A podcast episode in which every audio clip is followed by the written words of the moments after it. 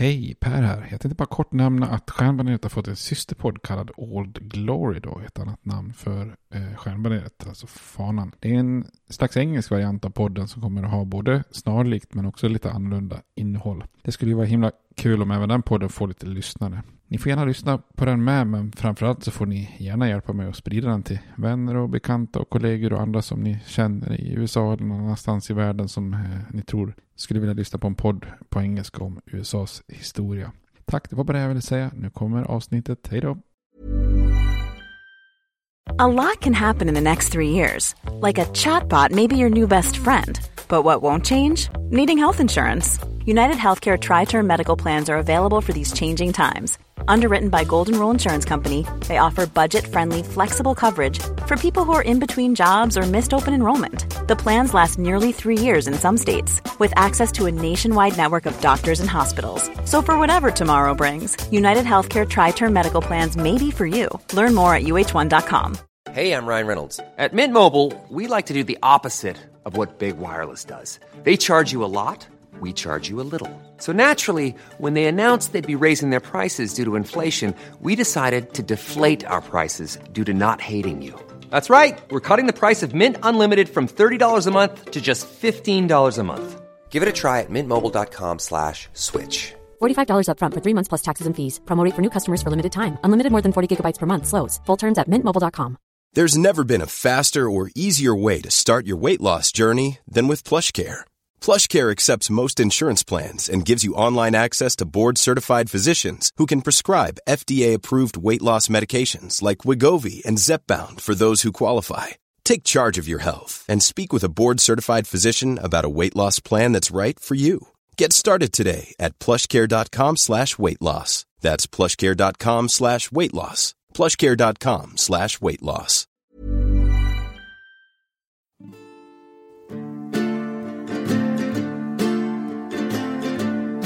We hold these truths to be self-evident, that all men are created equal, that they are endowed by their Creator with certain unalienable rights, that among these are life, liberty, and the pursuit of happiness.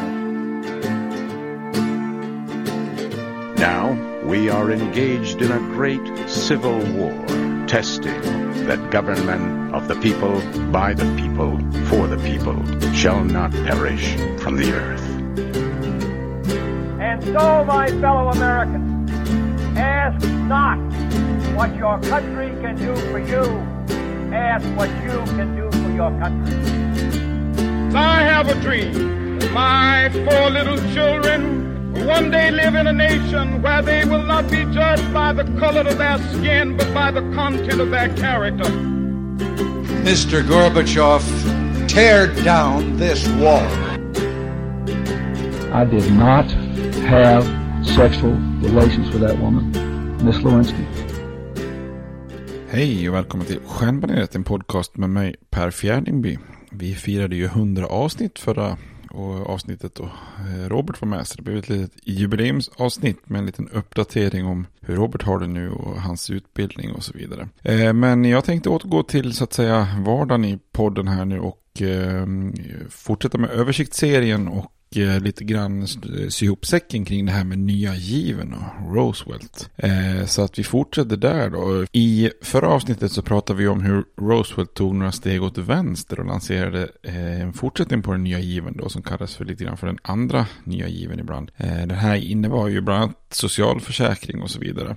och vi kollar också lite grann hur nya given-samhället påverkade olika grupper egentligen lite olika mycket då. Och vi avslutade med det här valet 1936 som blev en riktig triumf för Roosevelt och Demokraterna. Både om man tittar på presidentvalet och eh, kongressvalet. Idag ska vi se lite grann hur den här nya given börjar möta lite motgångar då. Bland annat inträffade en ekonomisk recession eller nedgång och eh, det är också så att högsta domstolen börjar göra lite motstånd och utmanar Roosevelt. Eh, så faktiskt till den milda grad att han ger sig på att försöka omorganisera HD, vilket är lite ovanligt men ändå har varit aktuellt här eh, för inte så länge sedan nu i modern tid också. Jag tänkte också att vi skulle kolla lite grann på det här med kultur och brottslighet i, i nya given samhället dessutom.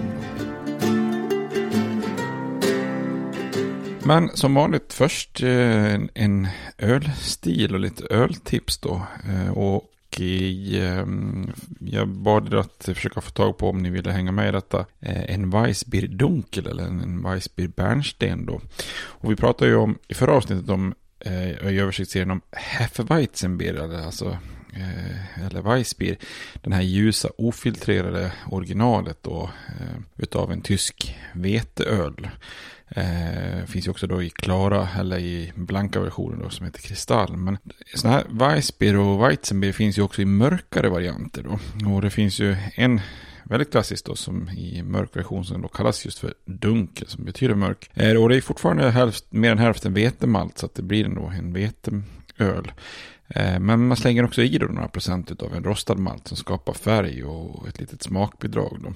Så fortfarande väldigt låg bäska, massa karaktär av gästen som ger lite kryddnejlika, vanilj, skumbanantoner och så vidare. Då. Men också med ett litet, lite mörkare inslag av choklad och eh, rostat. Då. Så det är en väldigt trevlig variant faktiskt av en weissbier. Gillar man Weissbier så kan man ju definitivt testa en dunkel också så, så kan man kanske få en liten dimension till i, sin, i sitt veteölsdrickande. Jag vet inte hur många av er som lyssnar som är veteölsdrickare, men ni borde bli faktiskt. Eh, Vissa tillverkare har också börjat med en form av bärnstensversion då, som ju också definitivt är mörkare än, än eh, sån här Heffe och kristall. Men absolut inte så mörk som dunkel utan som då stannar vi lite med bärnstensaktiga toner då. Eh, och vill man testa något sånt här så kan man ju testa eh, Erdinger dunkel eller Weihainstefane dunkel. Och så har jag även då Störtebecker en så kallad bärnsten eller bärnstein. När vi fortsätter översiktsserien, jag tänk, kommer att komma till det, jag tänker ta en liten paus här och, och, och, komma in med en annan liten miniserie. Men när vi fortsätter översiktsserien nästa gång så tänker jag att då ska ni försöka få tag på en Weizenbock eller Hopfenweizen. Så att försök få tag på en, eh, en sån specialveteöl. Kan ni köpa hem och ha några lagrade. Ni kan ju försöka få tag på Weihenstefaner Vitus Weizenbock eller Schneider Weissetapp 6 som också är en bock då. Eller också Schneider Weissetapp 5 som är en sån Hopfen, Hopfenweizen. Eller en Afschneider Hopfenweizen som jag tror är en, en nyhet på. Som man kan få tag på. Men någon av de tyska klassikerna.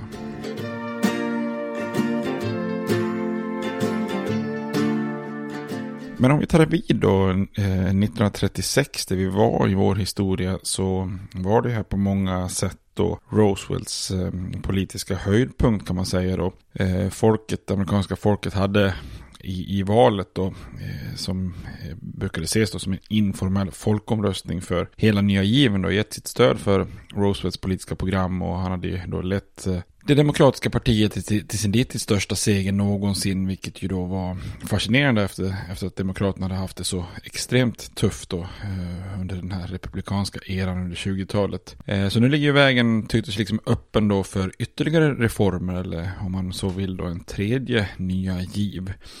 Men snarare så är det ju så då eh, när man tittar tillbaks med, med liksom den insikt man kan ha om historien att 1936 snarare var då höjdpunkten. För det är snarare så att det är en, liksom en dörr för reformer som hade öppnats men som är på väg att eh, börja stänga då. Och eh, de kommande två åren skulle ju erbjuda då väldigt mycket motgångar och, och en, en, ny form av så att säga motstånd mot nya, nya given då.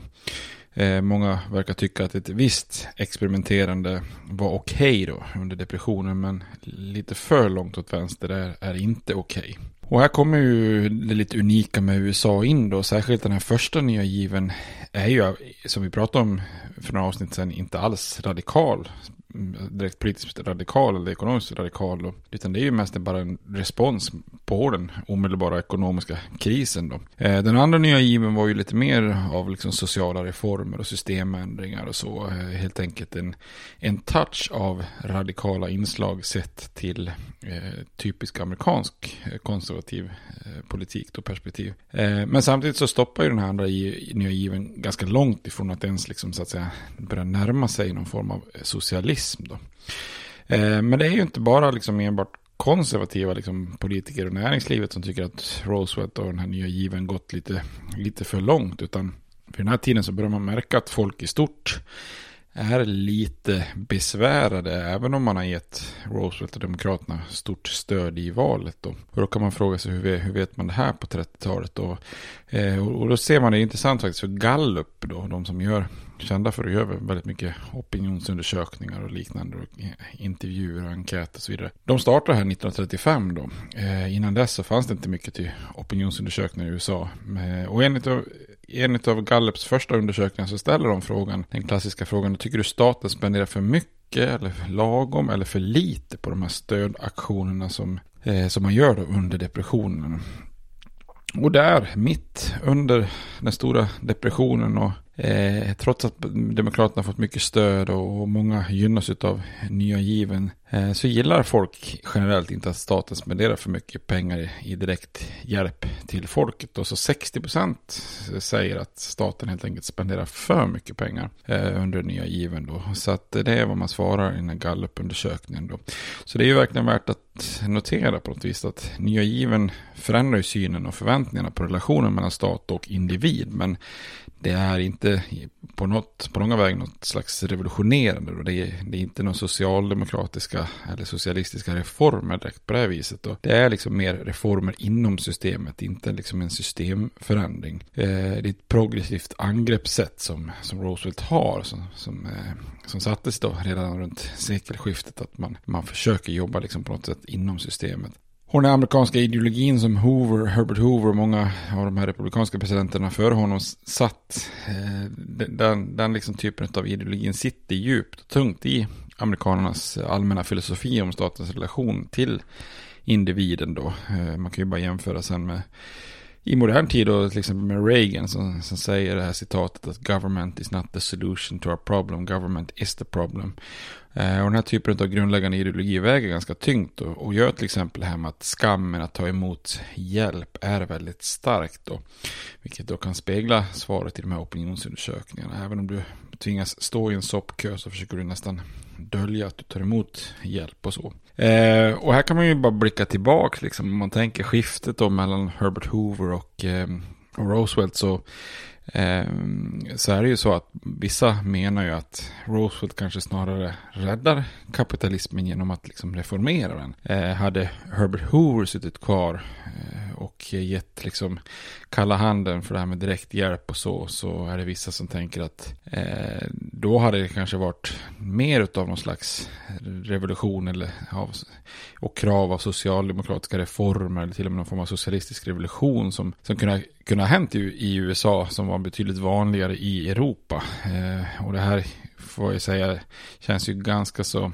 högt spekulativt och det är ju lite kontrafakt kontrafaktisk historia så det är jättesvårt att veta vad som hade hänt ifall Hoover hade suttit kvar och, eh, och inte Roosevelt hade kommit in med sina experiment. Då.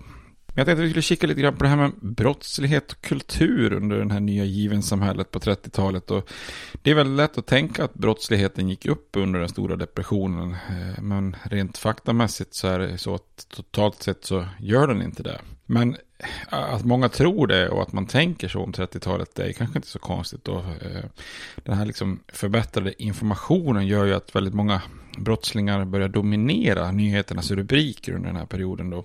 Och flera av de här brottslingarna som är kända från 30-talet blir helt enkelt någon form av liksom populära rikskändisar vars namn också hamnar då i mycket filmer och, och som känns igen än idag. Då. Det här brukar ju kallas för den här The Public Enemy-eran då. Inte, ska inte blandas ihop med en fantastisk eh, rapgrupp då. Men, eh, och de här kändisbrottslingarna var ju oftast aktiva om man tittar rent geografiskt då i mellersta USA från då Appalacherna eh, till Klippiga bergen då. Alltså, inte, inte på så mycket på östkust och västkust utan mitt i landet. Och gemensamt för många av de här brottslingarna var ju att de var väldigt tungt beväpnade och liksom utnyttjar den här dåliga säkerheten för att råna banker i mindre, lite sömniga städer i glesbygden och att man sen försökte fly då i, i bilar som hade slagit igenom mer i samhället och eh, längs ensliga vägar kör man iväg då man kanske kan undvika att bli tagna, tagna då, ja, åtminstone en tid då. Och i depressionens USA så uppstod till en början en slags liksom romantik kan man säga kring de här kändisbrottslingarna. De var inte liksom lika illa omtyckta som städernas liksom etniska gangsterbossar på 20-talet. Vi pratade om dem på 20-talet där som utnyttjade förbudet och så vidare. Eh, istället så kunde tidningarna porträttera de här 30-talsbrottslingarna eh, brottslingarna som någon slags frihetsälskande själar som egentligen bara gjorde de rika illa med sina rån. Och Eh, det var ju samma rika elit som många tyckte liksom hade rånat landet i stort och försatt eh, USA i depressionen. Och då helt plötsligt blev det mycket mer okej okay att, att slå till mot den här eliten då. Så att de får ju lite en slags, vad ska man säga, Robin Hood-aura där, där liksom det uppstod legender att de eh, var bigga på att ge bort pengar som de kom över vid sina rån. Eh, och då finns det ju sådana här kända vittnesmål. John Dillinger till exempel som rapporteras ha gett typ 20 dollar i dricks när han serverades mat. Och sen när man börjar skrapar lite på ytan så verkar det lite oklart om de verkligen gav bort speciellt mycket pengar. Eller om det inte snarare var så att de i, i många fall behövde helt enkelt köpa sig tystnad från människor de träffade på restauranger. Och, eh, så att de kunde bo på olika ställen och så vidare utan att någon skvallrade för FBI. Så det kanske inte var så mycket Robin Hood action och eh, välgörenhet. Utan mer att försöka komma undan lagens långa arm. Flera av de här brottslingarna på 30-talet njöt ju också eh, på något sätt av sin egen publicitet. Kanske kändast i det exemplet är väl Bonnie och Clyde. Eh, som är väldigt ofta då tog, gärna tog kort på sig själva och sina anhängare. De poserar med massa vapen och fräcka kläder och, och själva typ såg till att korten också nådde pressen då.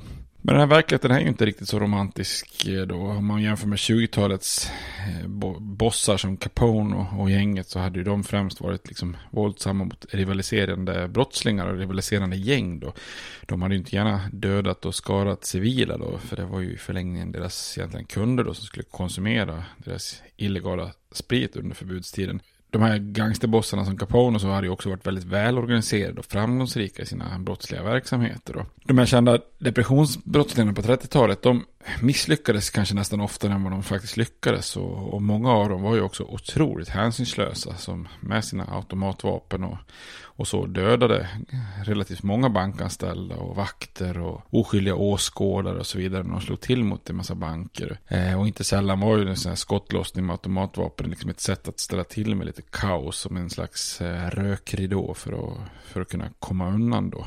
Och tittar man då, det finns ju många kända här, jag ska inte göra något massa massa personporträtt här. Man kan väl nämna några till exempel. Eh, den kanske mest kända är väl John Dillinger. Eh, han var ju involverad i en massa bankrån och dödade både poliser och andra och flydde från, från fängelser. Och när han, han var ju, fick ju mycket publicitet för han var ju väldigt smart och nu När han rånade, när han rånade banker så låtsades han ofta vara från någon form av larmföretag eller, eller typ en filmproducent som ville filma ett bankrån och så lyckades han liksom bli insläppt på det viset. Så det var ju rätt häpnadsväckande då. Eh, en annan var ju Babyface Nelson som tidvis tillhörde Dillingers rånargäng då. Eh, och han var ju verkligen en otrevlig person, känd för att han ofta sköt ihjäl oskyldiga bara liksom för nöjets skull då.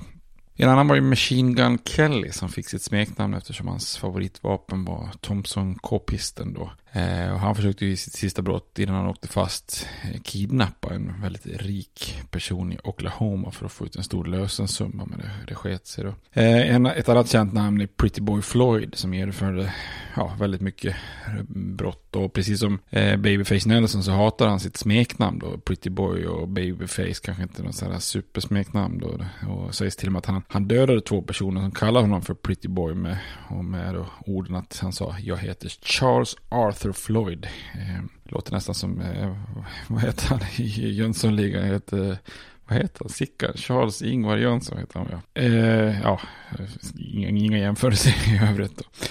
Eh, och Pretty Boy Floyd han lyckas ju fly från FBI's, FBI's bakhåll flera gånger men han fångas till slut 1934. Eh, Bonnie och Clyde behöver man inte säga så mycket. Kändisbrottslingsparet. Eh, lite kommentarer överflödiga. Det finns ju faktiskt en jättebra P3-dokumentär kan man ju lyssna på istället då. Eh, och de var ju verkar, själva verket, de är väldigt kända men de var ju rätt klumpiga och många av deras rånförsök misslyckades ju och de rånade ju väldigt mycket så här små butiker och bensinstationer för att överleva. Så det är ju ingen jätte, jätteflashig eh, direkt eh, vardag då som de lever. Ehm, en annan man kan ta upp är också Kate Baker då, mer känd som Ma Baker, som eh, då mamma Baker då, som gjorde rån och kidnappningar tillsammans med sina fyra söner under åren 1931 till 35 då.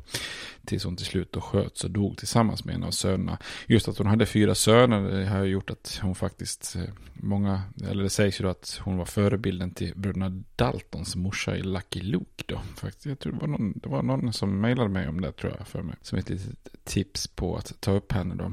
Det är extremt mycket filmer och låtar och annat om de här brottslingarna då. Eh, man, tittar man på, liksom i modern tid så har man ju den här filmen Public Enemies där Johnny Depp spelar John Dillinger då. Eh, men i den filmen är ju också karaktärer som Babyface Nelson och Pretty Boy Floyd då som karaktärer. Och så är det väl Christian Bale som är FBI-agent om jag inte minns fel. Eh, Babyface Nelson är ju också faktiskt med i Coen-brödernas film som jag nämnde tidigare, den här Oh Brother Where Art Thou. Eh, liksom i en lite mer roligare version kan man säga då musik så här får man ju verkligen nämna klassikern Ma Baker då med Boney M. Eh, det är en fantastisk låt, alltså det är en sån härlig paradox. Det är ju sån här riktigt glad, svängig discodänga då. Men det är ju en eh, otroligt tragisk text. Fast de försöker se lite tuffa ut i videon också. Eh, det är kanske lätt att dansa till Ma Baker, men nästa gång ni hör låten så sluta hindra impulsen att dansa och så lyssna istället på texten noga om ni inte har gjort det innan då. Eh, refrängen är ju bland annat, nu är det svårt att nästan läsa upp refrängen utan att komma in på det mamma ma Baker. Eh, men hon, den går ju till alltså, she taught her four sons to handle their guns. She never could cry but she knew how to die. Eh, så att det, det är ju en, eh, en, eh, en text som verkligen försöker berätta om Ma Baker. Då. Eh, sen har vi ju folk musikartisten Woody Guthrie som skrev en populär låt som, som hette Pretty Boy Floyd och som verkligen romantiserar brottslingen och sen gör ju Dylan då, eller Bob Dylan då en, en, senare en cover då för att hylla Guthrie. Men även The Birds har ju gjort en god version man kan försöka lyssna på, en trevlig. Eh, så finns det ju det finns ju en grupp som heter Pretty Boy Floyd. Det finns en rappare som heter Machine Gun Kelly. Så att eh, de här namnen återkommer ju så att säga. Så man förstår ju att de var väldigt eh, uppmärksammade för sin tid. Då, så att säga.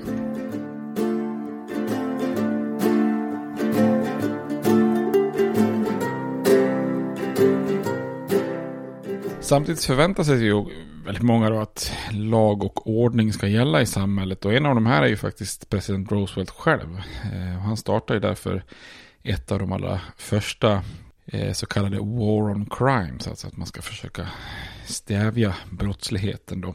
Och för honom är det ganska lågt. Han tänker så här att en effektiv brottsbekämpning naturligtvis kommer att öka det amerikanska folkets förtroende för nya given och eh, dess åtgärder helt enkelt.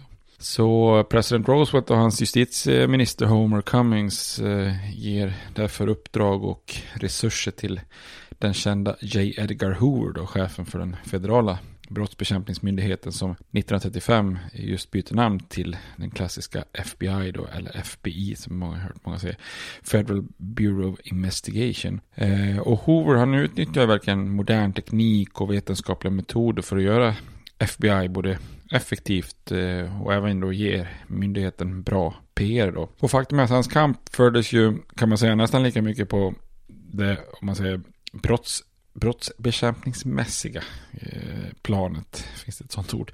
Ja, men brott, alltså, det är lika mycket på, på det planet som det är på det PR-mässiga. För under den här tiden så kom det ju mängder med så kallade gangsterfilmer då. Eh, och biografer över hela landet sålde ju ungefär runt 60-70 miljoner biobiljetter varje vecka då. Och det här har ju en koppling till depressionen då. I det här dagliga livet under den stora depressionen så fick ju många amerikaner liksom en, en stunds paus från hunger och mödor och, och strävan genom eh, liksom då underhållning som biofilm och radio och fictionserier och så vidare då. Och bion börjar ju då med ljudfilmer som gör succé i allmänhet och de här gangsterfilmerna i synnerhet då, så bara under åren 1931 och 1932 så släpptes typ 50 sådana här kända gangsterfilmer. Eh, många klassiker som Little Caesar, The Public Enemy, Scarface och så vidare. Och i de här filmerna så glorifierades de här brottslingarna, de här männen som med lite, som lite våld och lite list snodde åt sig pengar och, och makt. Och, eh, och Hoover, han lyckas ju vända den här trenden liksom egentligen då både i verkligheten och fiction då. Eh, hans agenter eh, som då snabbt lite får lite en förkortning då, hans agenter kallas då för government angel, government government agents, det var ett svårt ord. Eh, och det här, för, det här government agents förkortas ganska snabbt till G-men. Eh, och de här G-men lyckades då spåra upp och, och döda väldigt många då.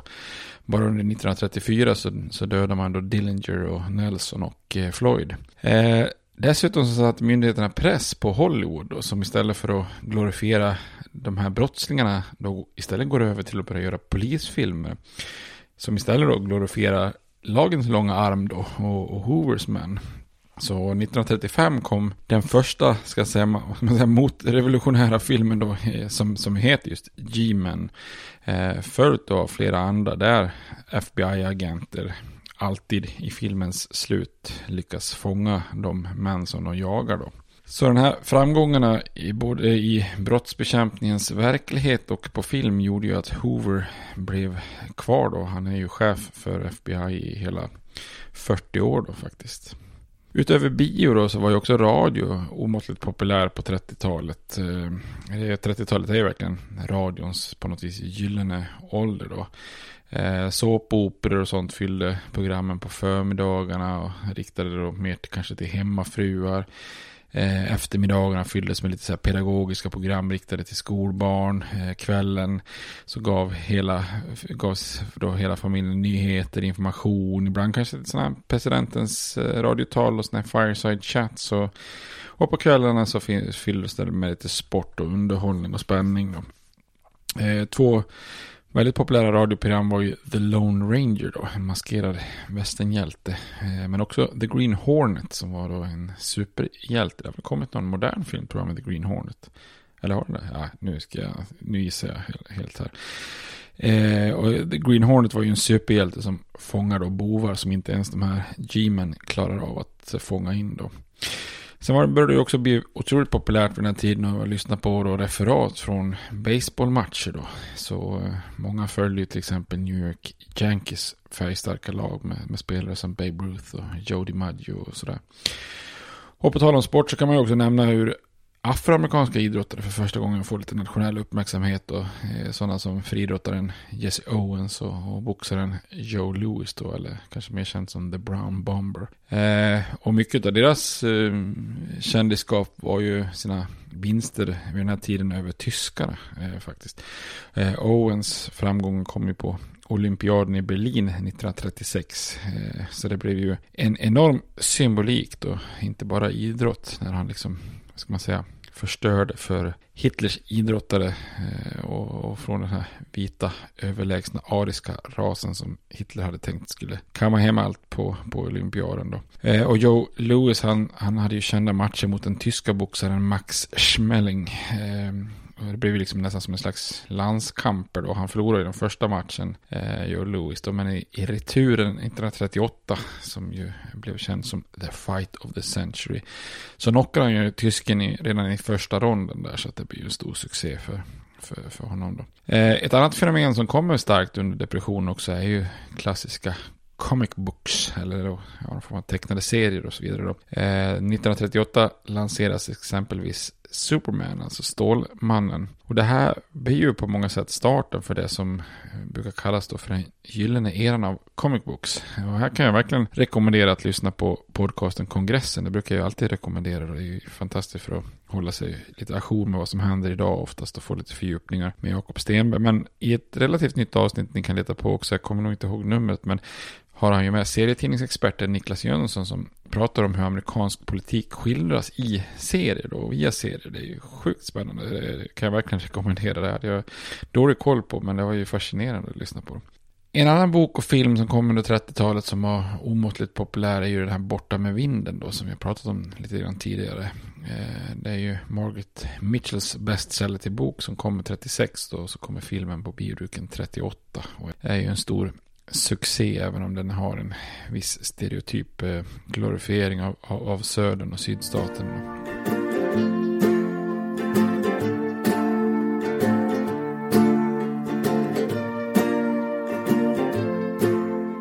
Men om vi går tillbaka då till eh, Roosevelt nya given och politiken här så hade ju då som vi varit inne på då 1936 hade ju varit en enorm framgång då i valen där för Roosevelt och hans eh, stjärna lyste kanske starkare än någonsin då men bara några månader senare då efter valet kom flera motgångar mot nya given. Eh, en central aktör i de här motgångarna är Högsta domstolen. Eh, HD alltså. I USAs tidiga historia innan inbördeskriget så hade ju Högsta domstolen som vi pratat mycket om i tidigare avsnitt kämpat för att skaffa sig den här lagprövningsrätten eh, vi idag är vana med att den har. Alltså att man kan förklara att vissa lagar är inte förenliga med eh, konstitutionen och därmed ogiltiga. Då. Det är ju en rättighet som inte Högsta domstolen har i konstitutionen egentligen. Eller det är ju mer en praxis man har skaffat sig då.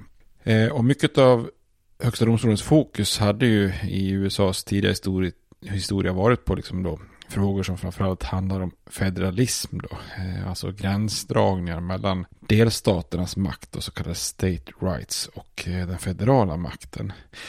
Men efter inbördeskriget och fram till nya given då så präglas istället högsta domstolens fokus på relationen mellan staten och näringslivet. Eh, och det här är ju en tro av väldigt starkt och social darwinism och laissez-faire och sånt där. Och då har ju högsta domstolen ställt sig helt egentligen på big business sida. Många domar handlar ju om att skydda näringslivet så att inte den federala staten blandade sig i den fria marknaden och den kapitalistiska ekonomin. Då. Och i den här andan då av att eh, stå på big business sida så börjar högsta domstolen ta upp en massa fall och eh, döma många av de åtgärderna som Roosevelt har drivit igenom i nya given då som oförenliga med konstitutionen då. Två av Roosevelts första nya giv-åtgärder NRA då, alltså National Recovery Administration och AAA, Agriculture Adjustment Administration, då två av de här stora programmen då mot industrin och jordbruket blev offer då och ogiltigförklarades av högsta domstolen då. Och Högsta domstolen menar då att eh, intrastathandelsparagrafen i konstitutionen eh, som gav kongressen och, och, presidenten befogenheter då, alltså kring allt som har med handel mellan delstater, eh, ändå är väldigt begränsad och ger väldigt lite befogenhet att kunna reglera ekonomin då. Eh, Medan Roosevelt han menar ju då att den här tolkningen, restriktiva tolkningen av den paragrafen skapar ju vad han kallar för no man's land where no government can function. Då. Eh, och han befarar ju då att viktiga åtgärder som socialförsäkringen och den här viktiga arbetslagstiftningen eh, i den här så kallade Wagner Act skulle bli domstolens nästa offer om inget eh, kunde göras åt högsta domstolen. Och då ser Roosevelt då valet 1936 lite grann som då en, en folkomröstning om hela den här nya given och, och den här stora imponerande segern som han får då i presidentvalet och i kongressvalen. Det här tar ju Roosevelt som ett slags mandat att göra någonting åt den här konservativa och eh, nya given fientliga högsta domstolen då. Och han inser helt enkelt att om amerikanska folket vill ha de här nya givenåtgärderna, ja då behöver jag få igenom dem då helt enkelt. Och därmed så tar han sig lite vatten över huvudet och utmanar högsta domstolen då. Eh, resultatet blir att presidenten till kongressen föreslår det som kallas för då Judicial Procedures Reform Bill, då, ett eh, förslag att reformera högsta domstolens organisation. Då. Eh, och förslaget innebär att han då vill utöka antalet domare i högsta domstolen. Och ska man vara noga här då så är det han exakt begär eller det han exakt föreslår är att han ska få rätt att utnämna ytterligare en domare i högsta domstolen för varje domare som sitter i högsta domstolen som är över 70 år. Eh, och just där och då, 1937, så hade det blivit en eh, ökning av domare i HD från 9 till 15 eftersom då 6 av domarna, domarna var över 70 år. Så blir det då 6 domare till från 9 till 15. Och han motiverar det här med att de federala domstolarna var overworked som man säger, alltså överarbetade. Det handlar alltså inte om att han skulle få ut sig bara nya domare hux flux, utan det handlar om så att säga att eh, inom citationstecken att underlätta ett gäng äldre farbröders arbetsbörda, om man säger det så. Eh, han säger att domstolen behöver liksom någon form av nytt ungt blod för att klara sitt uppdrag och han försöker vara lite snäll här. De här gamla männen ska inte behöva slita så hårt själva utan vi behöver ha fler domare då. Men det han är ute efter den är ju naturligtvis att neutralisera de här konservativa domarna med, med några ytterligare liberala domare som han själv får utse då, så att högsta domstolen får en solid majoritet då många år framöver för nya given och eh, kommande reformer. Men det här är ju, det är ju ingen som låter sig luras direkt av det här förslaget. Utan de flesta ser ju liksom igenom manövern. Eh, och ganska snabbt så kommer förslaget då och får det här lite eh, nedsättande namnet court packing. Alltså att han försöker pracka på eh, domstolen eh, fler domare bara för att få igenom sin, sin politik. Ja, och nu kanske någon av er funderar på vadå, kan president och kongress eh, förändra den annars så, så att säga, oberoende högsta domstolen? För som ni vet, eller som många vet, är ju domarna i högsta domstolen sitter ju på livstid just för att de ska vara lite mer politiskt oberoende så att säga. Eh, och att högsta domstolen då ska anses vara lite mer fredat. Eh, men det enkla svaret är ju faktiskt nej. Eh, man ska komma ihåg att allt det här snacket om att den amerikanska maktdelningen i konstitutionen innebär att de här tre benen då, kongressen, presidenten och högsta domstolen är det som heter separate but equal. Eh, det är ju någonting som inte alls stämmer egentligen överhuvudtaget. Eh, för det första så är de här tre institutionerna, då, den lagstiftande, verkställande och den dömande makten, bara delvis separerade. I övrigt är de ju egentligen väldigt sammanflätade, sammanflätade i det som kallas för checks and balances. Till exempel att det är ju presidenten som nominerar en domare till högsta domstolen och sen ska kongressens senat godkänna. Hade man haft en mer strikt maktdelning så hade ju man ju såklart inte mixat de här institutionerna eh, utan då hade de ju varit ännu mer oberoende om man skulle ha en, en, liksom en riktig maktdelning då. Eh, då hade man ju liksom sett till att domarna på något sätt hade blivit utsedda eller valda utan någon form av inblandning av kongress eller presidenten. Eh, så separate är de ju inte i någon sådär jättestor utsträckning om man ser det så då. Eh, och då säger man separate but equal. Eh, och då kan man säga så här, ja, equal, nej, det, det, är det ju inte heller då. För utav de här tre benen i den här maktdelningen så finns ju en tydlig rangordning som eh, grundlagsfäderna satte fast oss i konstitutionen då. Eh, kongressen tyckte man ju var det viktigaste, den mäktigaste delen. Det är de som ska stifta lagar och driva politiken så att säga. Eh, sen satte man ju då presidenten som en tydlig tvåa, sen då som en viktig eh, makt som ska verkställa lagstiftningarna. Men högsta domstolen kom ju klart på tredje plats. Man ägnade inte jättemycket diskussioner på konstitutionskonventet om, om eh, högsta domstolen. Och det här gör ju att kongressen då som, är, eh, som har mest makt bestämmer väldigt mycket över högsta domstolen. Eh, det är upp till kongressen att bestämma över utformningen av hela egentligen det federala domstolsväsendet, både HD och alla federala domstolar på alla nivåerna under högsta domstolen. Dessutom bestämmer högsta domstolen eh, hur många domare det ska vara i högsta domstolen, när de ska sammanträda med mer då. Så här försöker ju Roosevelt utnyttja det här då och få sitt parti och kongressen med på att helt enkelt eh, organisera om högsta domstolen och utnyttja den här makten som, som man har över högsta domstolen då.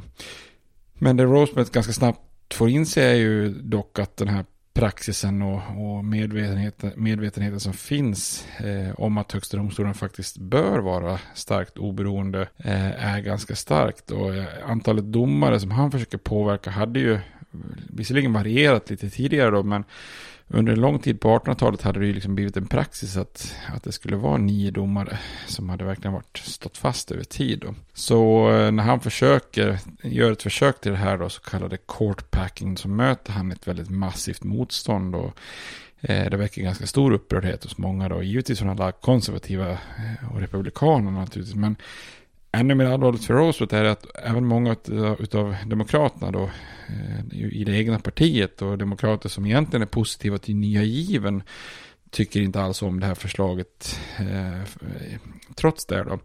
Många tycker att presidenten försöker driva igenom det här förslaget till courtpacking utan någon större dialog i partiet utan att ha förankrat det i partiet. Och sen är det klart att, nu vet vi inte det med facit i hand, men Rosewood hade ju antagligen kanske med sina massiva majoriteter i kongressen eh, och kunnat utnyttja lite partipiska och säkert kunnat drivit igenom det här förslaget om, om court packing alldeles oavsett om det mötte en viss kritik då. Det kunde ha varit många demokrater som hade röstat emot. Han kanske ändå hade fått igenom det med majoritet. Men man kan säga här att domstolen på många sätt fattar hinten ändå och, och själv löser själva grundproblematiken då. Av de här nio domarna i högsta domstolen så fanns tre liberala domare som, som stöttade nya given och så fanns det fyra konservativa som motarbetade den. Och de av de två som är kvar så brukade chefsdomaren Charles Evan Hughes ofta stödja nya givens förslag. Och då blir det 4-4 och då hamnar den avgörande rösten då i knät på domaren Owen Roberts som eh, nästan alltid då brukade fälla förslagen och skapa liksom 5-4 omröstningar mot nya givenåtgärderna. Men så i mars 1937 så kommer en dom som förändrar läget lite. Då godkänner helt plötsligt högsta domstolen en lag som reglerar minimilöner i Washington DC. Eh, och det hade ju varit otänkbart tidigare. Då hade man alltid sagt att det Eh, Eh, stark kongress, eller vad heter kontraktsrätt och att eh, det är helt upp till arbetsmarknadens parter. Det, det, kan inte vara rätt att det finns en politik som kan reglera sådana avtal. Då. Men då väljer den här Owen Roberts att svänga då så att det istället blir en 5-4 dom som, som stödjer mini, minimilöner. Och bara två veckor senare så förklarar högsta domstolen i en annan dom då att den här viktiga Wagnerlagen är förenlig med konstitutionen och, och bara ett par månader senare så händer samma sak med socialförsäkringen försäkringslagen då. Och den här svängningen av domaren Owen Roberts till den här progressiva sidan har ju därför gått till historien som the switch in time that saved nine. Alltså hans eh, omsvängning gör att dom, domstolen fortsätter att vara nio personer då. Och då är ju helt plötsligt också Roosevelts court eh, eller då reform av högsta domstolen, eh, blir ju då helt plötsligt onödig då. Eh, och kongressen röstar då ner förslaget. Dessutom lämnade ju flera konservativa domare sina poster då på grund av ålder de åren som kommer då. Eh, så hoppar vi fram till 1944 så har ju till slut Roosevelt faktiskt haft förmånen att utse totalt åtta nya domare i högsta domstolen då. Inklusive lite legendariska domare som Felix Frankfurter och Hugo Black och Stanley Reed och så vidare. Eh, vilket då skapar en, en, en, en riktig majoritet i högsta domstolen för nya given politiken då. Eh, så på ett sätt var ju svängningen 1937 en seger för Roosevelt, alltså högsta domstolen var inte längre ett hinder för nya given reformer då. Men samtidigt så var det också en politisk motgång för Roosevelts väldigt goda rykte skamfilades ju eh, och hela den här händelsen eller försöket med courtbacking blir ju lite grann en plump i, i protokollet för honom.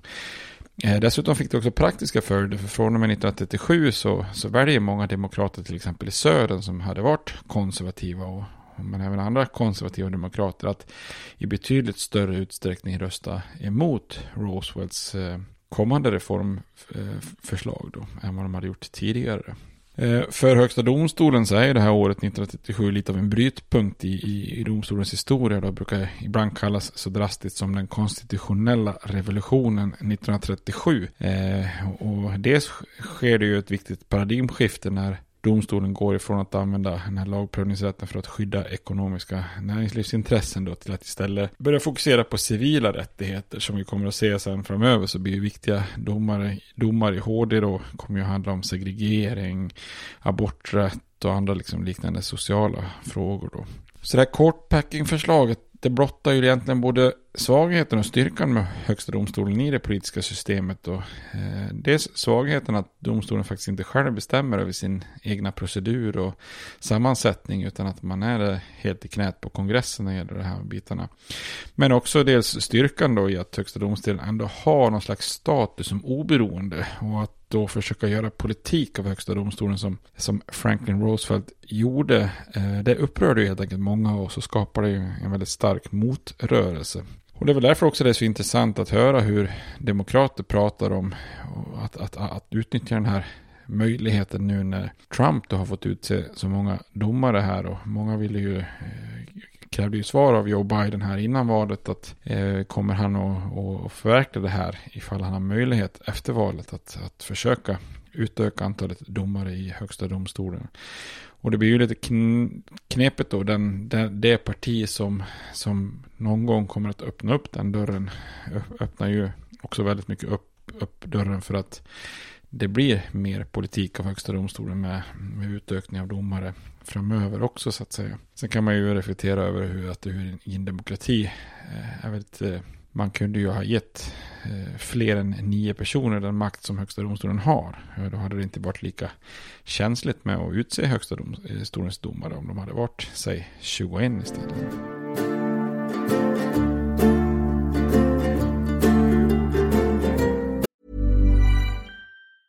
Hej, det är Ryan Reynolds, och jag är här med Keith, co star of my upcoming film, If, only in theaters, May 17th. Do you want to tell people the big news? All right, I'll do it. Sign up now and you'll get unlimited for $15 a month in six months of Paramount Plus Essential Plan on us. Mintmobile.com slash switch. Upfront payment of $45 equivalent to $15 per month. Unlimited over 40 gigabytes per month. Face lower speeds. Videos at 480p. Active Mint customers by 531.24 get six months of Paramount Plus Essential Plan. Auto renews after six months. Offer ends May 31st, 2024. Separate Paramount Plus registration required. Terms and conditions apply if rated PG. Hiring for your small business? If you're not looking for professionals on LinkedIn, you're looking in the wrong place. That's like looking for your car keys in a fish tank. LinkedIn helps you hire professionals you can't find anywhere else, even those who aren't actively searching for a new job but might be open to the perfect role. In a given month, over 70% of LinkedIn users don't even visit other leading job sites. So start looking in the right place. With LinkedIn, you can hire professionals like a professional. Post your free job on linkedin.com slash people today.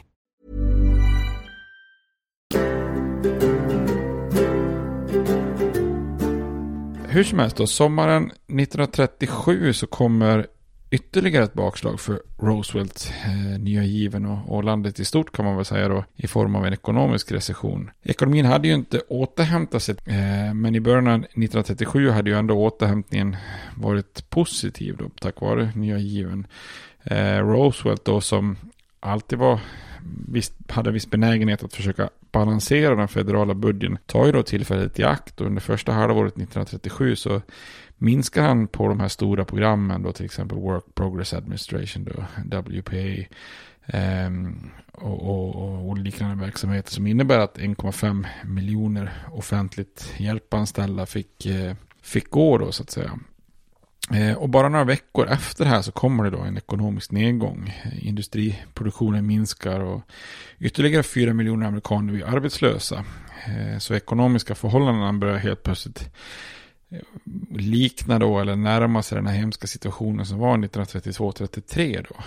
Och de här hårda ekonomiska tiderna brukar ibland kallas just för Roosevelts recession, alltså av hans kritiker då. Eh, och det är många bakomliggande faktorer som spelar roll, men en avgörande var ju att det var lite oklokt med de här besluten att minska federala investeringar när ytterligare pengar behövdes som mest. Eh, Roosevelt är ju fortfarande lite obekväm och spenderar för mycket så att den, liksom att den federala budgeten går minus över tid och att man ökar statsskulden var inte riktigt hans, hans egentliga melodi. Då. Eh, här kunde ju Roosevelt ha kanske har köpt en, en relativt ny bok som kommer 1936, den här legendariska The General Theory of Employment, Interest and Money som är skriven av den här den kända brittiska nationalekonomen John Maynard Keynes. Ehm, och Keynes teori var ju att statens finanser skulle användas för att liksom, ja, gasa och bromsa ekonomin då, som ett verktyg för att eh, ja, kompensera, eh, motarbeta och liksom jämna ut eller plana ut ekonomiska cykler. Då. Så när ekonomin blir sämre då kan staten gå in och investera skattemedel genom att ja, till exempel bygga vägar, skolor, krigsfartyg eller något liknande. Då.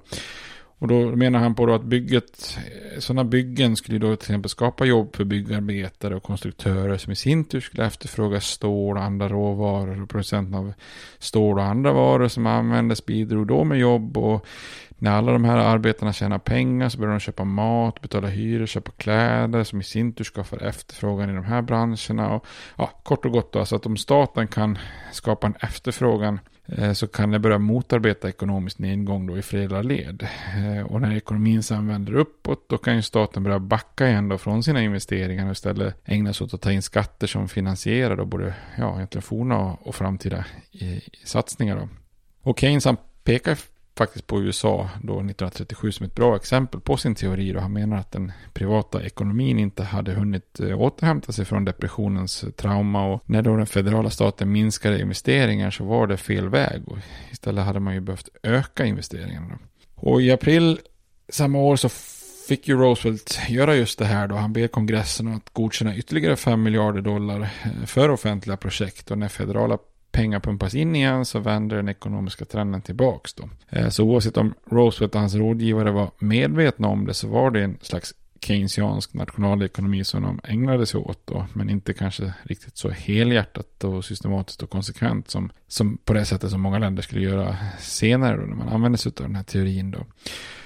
Eh, men nya given brukar ändå på något sätt beskrivas då som en slags experimentell keynesiansk teori i praktiken då. Eh, men innan Keynes publicerat sin bok så var inte Roosevelts experiment så att säga förankrat i, förankrat i någon teori då. Men Keynes bok legitimerar på många sätt nya given då. Och Keynes menar alltså att det faktiskt är en bra nationalekonomisk strategi att den federala staten kan agera kontracykliskt och spendera eh, statliga medel ut i samhället till och med direkt till med, medborgare som, som eh, Roosevelt gjorde via nya given då för att se till att konsumtion och efterfrågan i ekonomin ökar så mycket att man tar sig ur en nedgång då. Och, eh, som är viktigt att lägga till då, enligt den här teorin var ju det att statligt agerande kan ske även om man får budgetunderskott och statsskuld.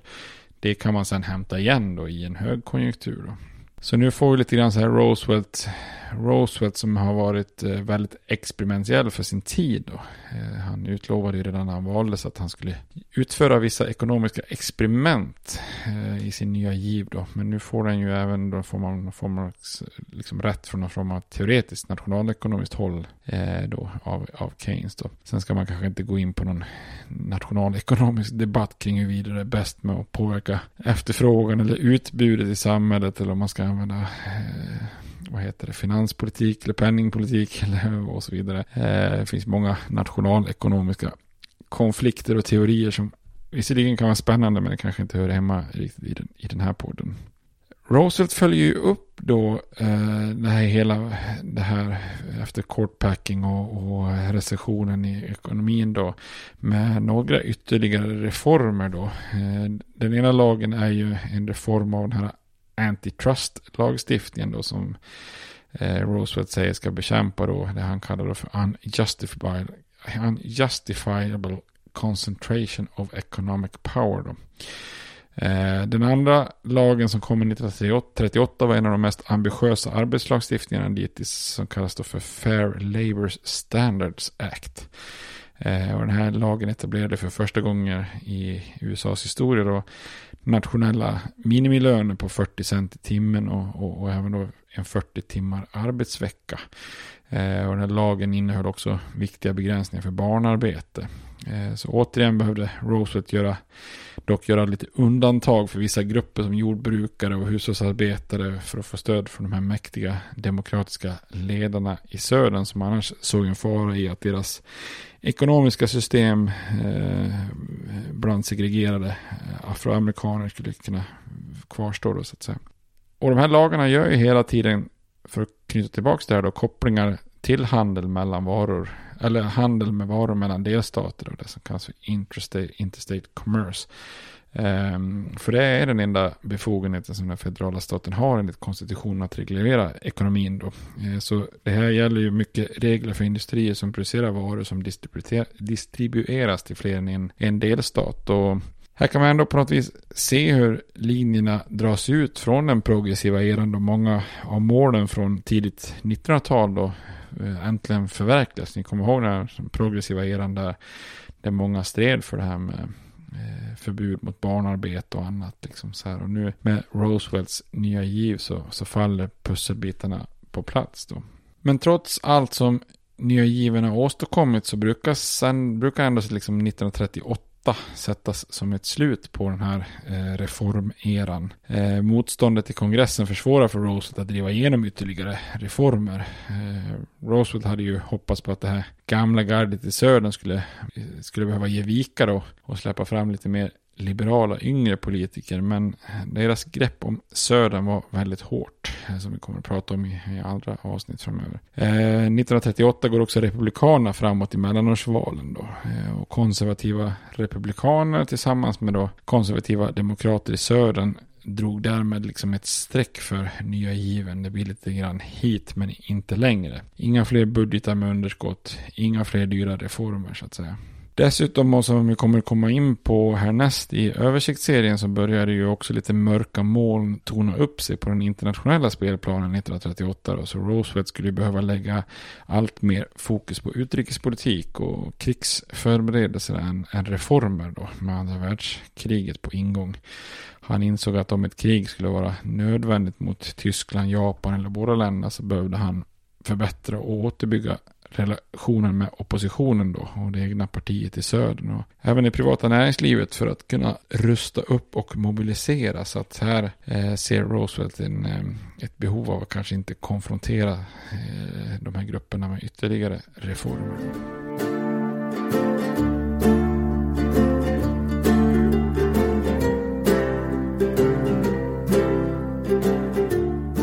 Men då kan man säga att vi har eh, i ett antal avsnitt behandlat då börskraschen 29. Vi har handlat, tittat lite grann på depressionen. Vi har kollat på Herbert Hoovers politik. Vi har tittat på när Roosevelt tog över. Vi har tittat på hans första och andra nya giv. Och även då kulmen och eh, tillbakagången nu då. Så att får vi egentligen summera ihop hela nya given och depressionen då.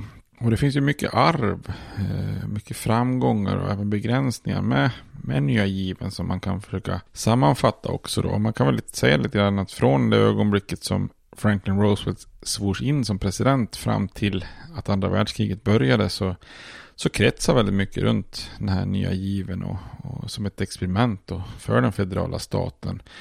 Och för att få landet ut ur den här stora envisa eh, jobbiga depressionen då försöka göra vardagen, vardagen dräglig för de många arbetslösa och fattiga och att reformera ekonomin så att man kunde undvika liknande depressioner i framtiden då.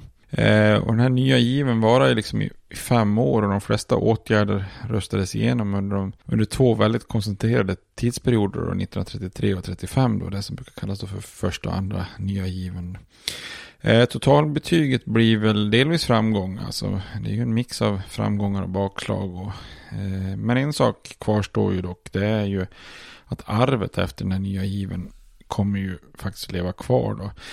Eh, den nya givens framgångar var ju imponerande på många sätt. Då. mellan åren 1933 och 40 då, förutom den här dippen då som vi pratar om i, idag då, den här ekonomiska nedgången 37-38, så växte den amerikanska ekonomin med runt 8-10% årligen, vilket var eh, historiskt höga siffror. I slutet av 37 hade landet återhämtat sig till samma nivå som innan depressionens start 1929 då. Och den här nya given hade ju tagit tag i, i både omedelbara och långsiktiga problem. Eh, I ett samhälle som vi såg då på slutet av 1800-talet och början av 1900-talet som helt dominerades av big business och mäktiga industrimagnater. Så hade ju nya given politiken försökt att fördela eh, eller omfördela lite makt och välfärd. Grupper som arbetare och jordbrukare hade fått förutsättningar och, och verktyg för att kunna utmana eh, den tidigare fullkomligt mäktiga eh, big businessen. Eh, och nya given innebar att man införde eh, motverkande faktorer liksom i det ekonomiska systemet. Eh, det liksom en slags balans i ekonomin och arbetsmarknaden som liknar då egentligen den politiska maktdelningen med så kallade checks and balances. Alltså det är fackförbund som kunde motverka industriledarnas makt och, och gynna välfärden för arbetarna. Det är nya myndigheter som kunde reglera bank och finansmarknaden så att privatpersoner som investerade kunde vara informerade och ta väl genomtänkta risker att sätta in pengar i trygga banker så att besparingarna kan gynna ekonomisk tillväxt. Eh, vi ser hur elektricitet skapas i Tennessee idag, den i stora delar av västern och massa dammar som distribueras då via konsumentägda kooperativ och som då kan konkurrera med privata anläggningar och pressa priser så att man får ut elen till, till större delen av folket. Då. Eh, vi ser offentliga pensioner som kan finansieras via arbetstagares och arbetsgivares bidrag och fördelas till äldre så att man kunde få en skälig ålderdom. Eh, bidrag till jordbruket som kunde göra dem mindre sårbara för prisändringar och minska makten hos de producenter som, som köpte upp jordbruksprodukter. Eh, så nya given var ju också viktig i, i, att skapa en slags start på en begränsad välfärd som tidigare inte hade funnits i USA. Och, och som kom med de här olika programmen. Eh, på det viset hade ju, kan man säga, nya given brutit en barriär, en, en gammal tradition om att inte ge offentligt federalt stöd till samhällets mest behövande grupper då. Så att det finns ju mycket, mycket arv från nya given som, som kanske positivt för många amerikaner. Sen fanns det ju en hel del smolk i bägaren också. Det, det ena var ju takten i återhämtningen och, och vägen ur depressionen. Återham, återhämtningen varierade mellan olika branscher och vissa hade det ju svårt väldigt länge. Eh, arbetslösheten trycktes tillbaka men fortsatte att vara ganska hög under hela 30-talet. Eh, och förespråkarna av nya given insåg ju aldrig fullt ut värdet av statligt spenderande som ett verktyg för att återhämta ekonomin. Alltså att göra det liksom mer helhjärtat. Eh, så den privata, privata sektorn återhämtar sig inte egentligen till 1920 29 års nivåer. Eh, alltså att man börjar slå de nivåerna och verkligen göra framsteg igen. Det kom ju först sen under andra världskriget, liksom 1942 då. Så i slutändan var det ju kanske inte så mycket nya given som avslutade depressionen, utan den här återhämtningen fullbordas snarare av den här ekonomiska boomen som uppstår under andra världskriget där eh, produktionen stimuleras väldigt mycket av att man mobiliserar och skapar en krigsindustri. Då. Eh, ett annat smolk i bägaren var ju för, för nya given samhället var ju minoriteternas fortsatta kamp då. Eh, nya given innebar ju ingen direkt förbättring till exempel för afroamerikanerna i södern eller latinos i sydväst och snarare och snarare kanske cementeras då traditionen av könsroller och rasdiskriminering och liknande. Då. Och det här rudimentära välfärdssystemet präglas ju också av nya givens grundläggande liksom, konservatism. De lösningar som skapas cementerade redan från början att det amerikanska välfärdssystemet skulle vara begränsat på många sätt. Något som man liksom då kan se än idag. Då. Eh, hur man än vänder och vrider på det så har ju den här stora depressionen och nya given en väldigt stor inverkan på USAs historia och, och lämnar väldigt mycket viktiga arv eh, efter sig då.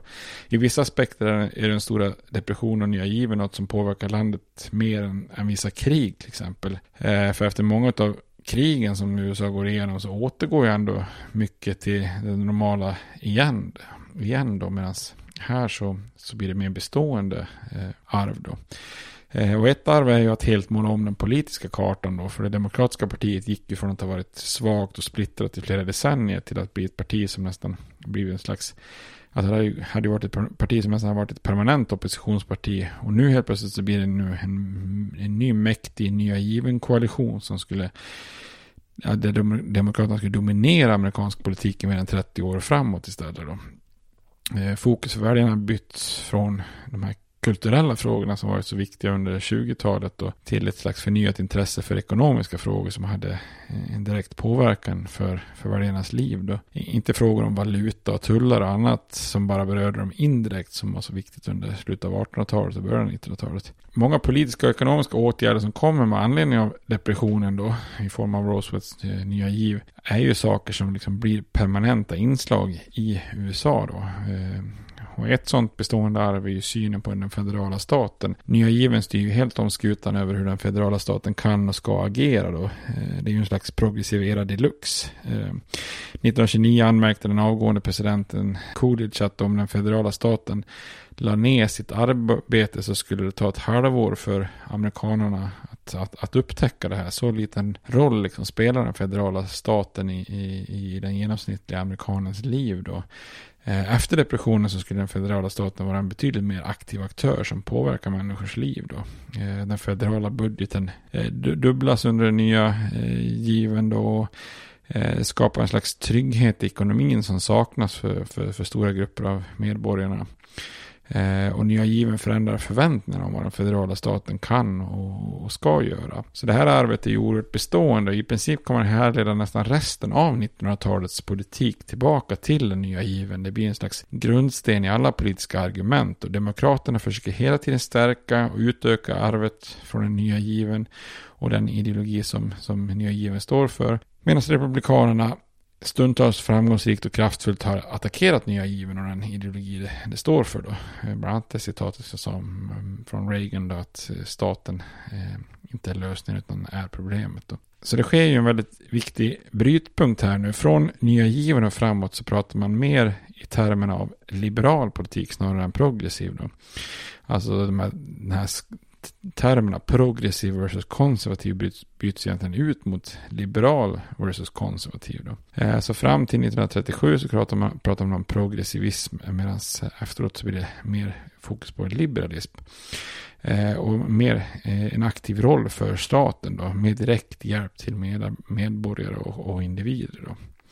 Och den här nya given koalitionen kommer ju dom, demo, dominera Demokraterna under nästan hela 1900-talet och fram nästan till typ eh, 80-talet. Då.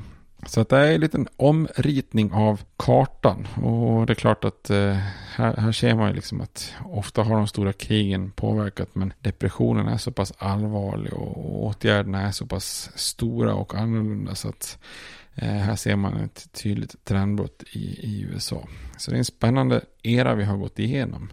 Men nu ska jag inte säga så mycket mer om nya given och så, utan eh, när vi återkommer till översiktsserien så, så blir det helt enkelt mer fokus på det internationella här. Eh, för nu börjar vi ju närma oss andra världskriget och får väl göra en, några avsnitt som tar upp vägen till och eh, och andra världskriget. Men jag tänkte att översiktsserien har vi kört på med så mycket nu så att jag tänkte ta en paus för den och eh, testa lite ett annat grepp, höll jag på att säga. Men ibland har vi brutit av den här översiktsserien med lite andra Eh, avsnitt och ämnen och eh, lite miniserier och sånt där. Och jag tänkte att vi skulle köra en miniserie om afroamerikansk historia eh, härnäst för att eh, lite medborgarrättskamp för att eh, förstå lite grann det här, den historiska bakgrunden till varför vi till exempel idag har det här med Black Lives Matter och vad var det egentligen man stred för under medborgarrättsrörelsen på 50-60-talet och hur kan det komma sig att man faktiskt behövde strida om sina rättigheter 1950 och 1960-talet när man faktiskt blev befriade som slavar redan i mitten på 1800-talet. Mm, ja. Så att eh, där tänkte jag vi skulle göra ett litet djup med lite kortare avsnitt. Så jag kanske till och med släpper några avsnitt i, i grupp här som en liten julklapp. Men eh, det återstår att se. Men eh, hur som helst, tills dess så får ni ha det bra. Hej då. States like these and their terrorist allies constitute an axis of evil. And if the hippies and the yippies and the disruptors of the systems that Washington and Lincoln as presidents brought forth in this country will shut up and work within our free system of government, I will lower my voice. If the impeachment provision in the Constitution of the United States will not reach the offenses charged here, then perhaps that 18th century Constitution should be abandoned to a 20th century paper shredder. Therefore, I shall resign the presidency effective at noon tomorrow.